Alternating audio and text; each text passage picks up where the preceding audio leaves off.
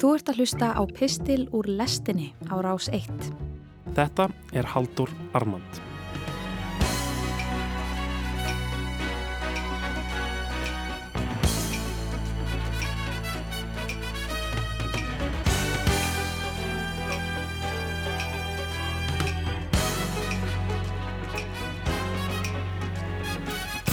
Engin getur dvalið til langframa í aldingarðinu meten, segir Jacques, eldri miljónamæringur í París í skaldsögunni Giovanni's Room eða Herbergi Giovanni's eftir James Baldwin frá árinu 1956. Síðan bætir hann við, ég spyr sjálf á mig hvers vegna.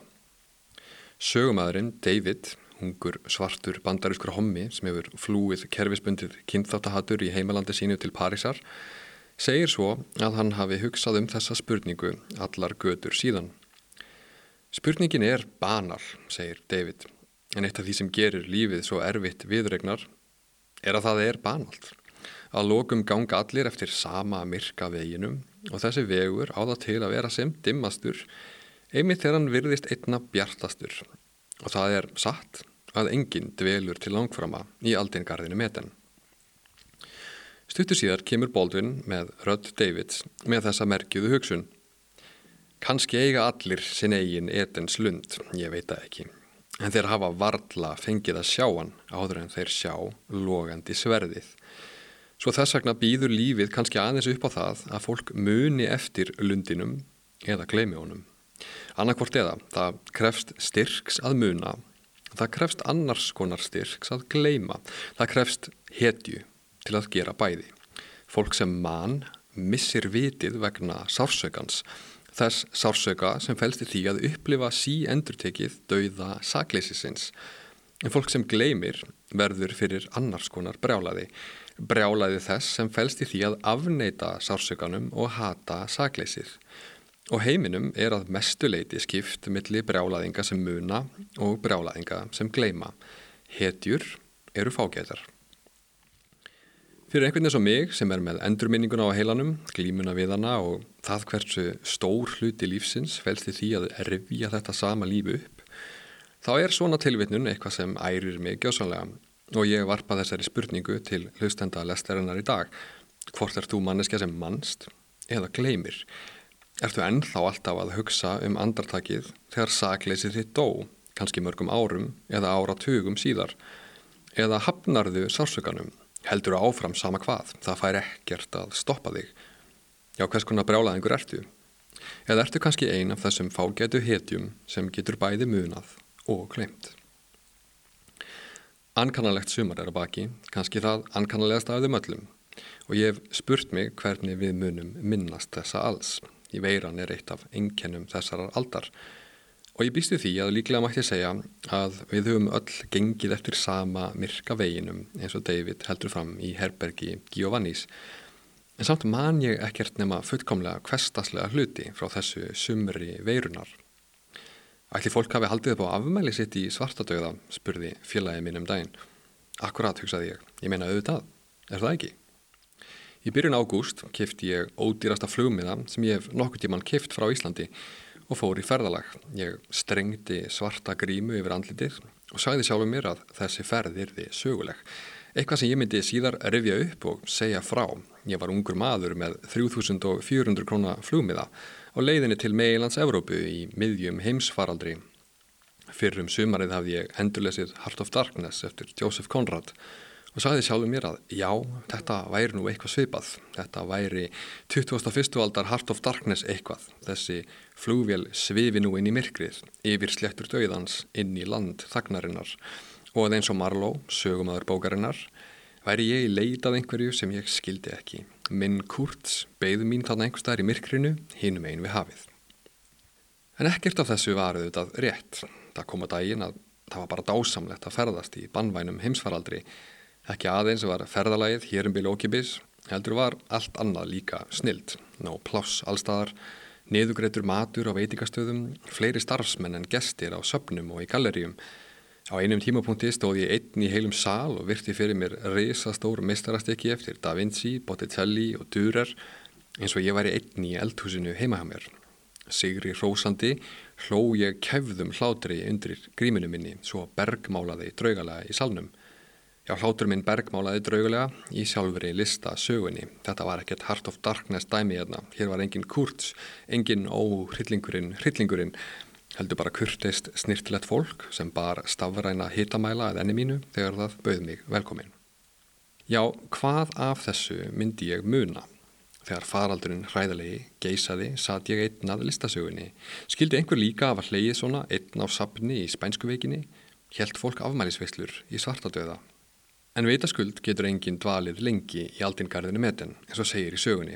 Og skömmu síðar var ég hættur að velta því fyrir mér hvernig ég munni minnast verunar. Kanski var það raung spurning. Kanski átti frekar að spyrja hvað er það sem veiran minnur okkur á? Hvað er það sem veiran neyður okkur til þess að horfast í augum við en við viljum ekki sjá? Og ég held að svarið sé dauðin eða heldur dauð leikin. Ég sé mín einn feigð kristallast út um allt í hverstaslífinu, sagði félagi minn við mig um daginn. Sá sami og hafði velt fyrir sér hvernig afmæli fóru fram í svartadauða, þar sem við sátum og drukum kaffi í september, sólinni. Ég hjóla í 20 mínútur í annan borgarluta og ég degi að minnstakosti þrís var á leiðinni. Það sem meira er, svona hef ég alltaf verið. Ég hef sætt mig við það að þetta mun aldrei breytast. Hann klikti út með þessari tilvittun í Gunnar Hámundason Koma mun til mín fegðin hvar sem ég em stattur ef mér verður þess auðið. Þetta er gott stöf, svaraði ég uppnum minn. Getur þú sendt mér þetta í skilabóðum? Alveg eins og söguhetja Baldwins telur að skipta mig í heimsbyðinni nokkurt veginn í fólk sem mann og fólk sem gleymir, þá held ég stundum að eins megi draga línu millir fólk sem er mjög meðvitað um döðleika sinn og það sem leiður hugan aldrei aðanum og forðast á hugsun eftir fremsta megni. Ég hef að minnstakosti nokkrum sinnum átt samtöl þar sem viðmælandi minn segir ég hugsa aldrei um döðan og ég ætla aldrei að gera það. Og síðan þekk ég aðra þar sem döðleikin, fegðin, er sjálf bensín gjöf tilverunar. Þaðan kemur orkan, viljin til þess að gera eitthvað, reyna að hafa gaman það á rót sína í meðvitundinni um að eitt daginn verður þetta búið og að það gæti gerst hvenar sem er. En samfélagið hafnar döðanum Það reynir að íta honum úr sjónmáli með öllum tiltækum leiðum. Memento Mori er ekki beinlinis eitthvað sem nútíma maðurinn tilengar sér. Hvers vegna ekki? Við grunar, þótt ég áttum á því að það sé frekar gróf og líkt fáuð skýring, að það tengist einna helst markaðs þjóðfélaginu. Feguð og döðuleiki passa mjög illa inn í þá heimsmynd sem markaðs þjóðfélagið grundallast á. Kapitalismi er draumurinn um hérna eilífu framtíð, hinn bjarta morgundag, þar sem allt verður betra en það var í gær. Hvort sem það gerist gegnum rafbíl, nýjan iPhone, snirtifurur, enska boltan og svo framvegis. Þetta er ástæða þess að kristni og kapitalismi passa svona líka frábærlega vel saman. En svo staðrind að maður deyr einhver tíman passar ekki þarna inn, það blasir við maður sem sér fegðina í hverju horni er ekki líklegur til þess að sapna sér fyrir útborgunni í nýja Tesla og þess vegna er dauðanum bólað í burtu og hugmyndin um eilift líf seld án afláts. Getur verið að þetta sé hinn hotla og þarfa áminning verunar? Hún flutti döðleikan og fegðina aftur inn í lífið.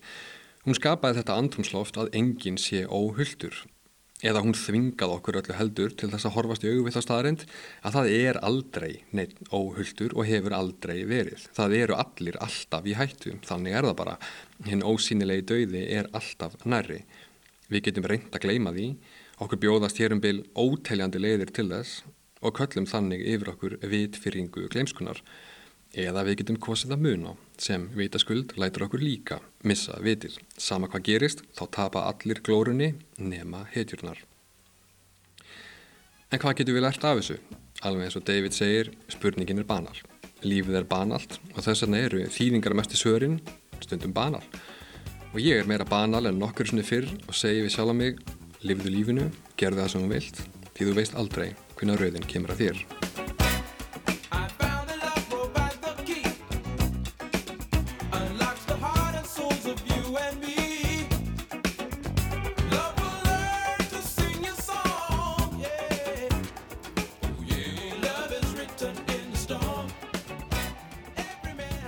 Þú varst að hlusta á Haldur Armand, nýr pistill frá Halduri, hljómar á hverjum þriðu degim í lestinni á Rás 1. Ef þú fílaðir þennan pistil og vilt heyra meira, getur gerst áskrifandi að lestinni hér í hlaðvarpsappinu þínu. Rás 1 fyrir forveitna.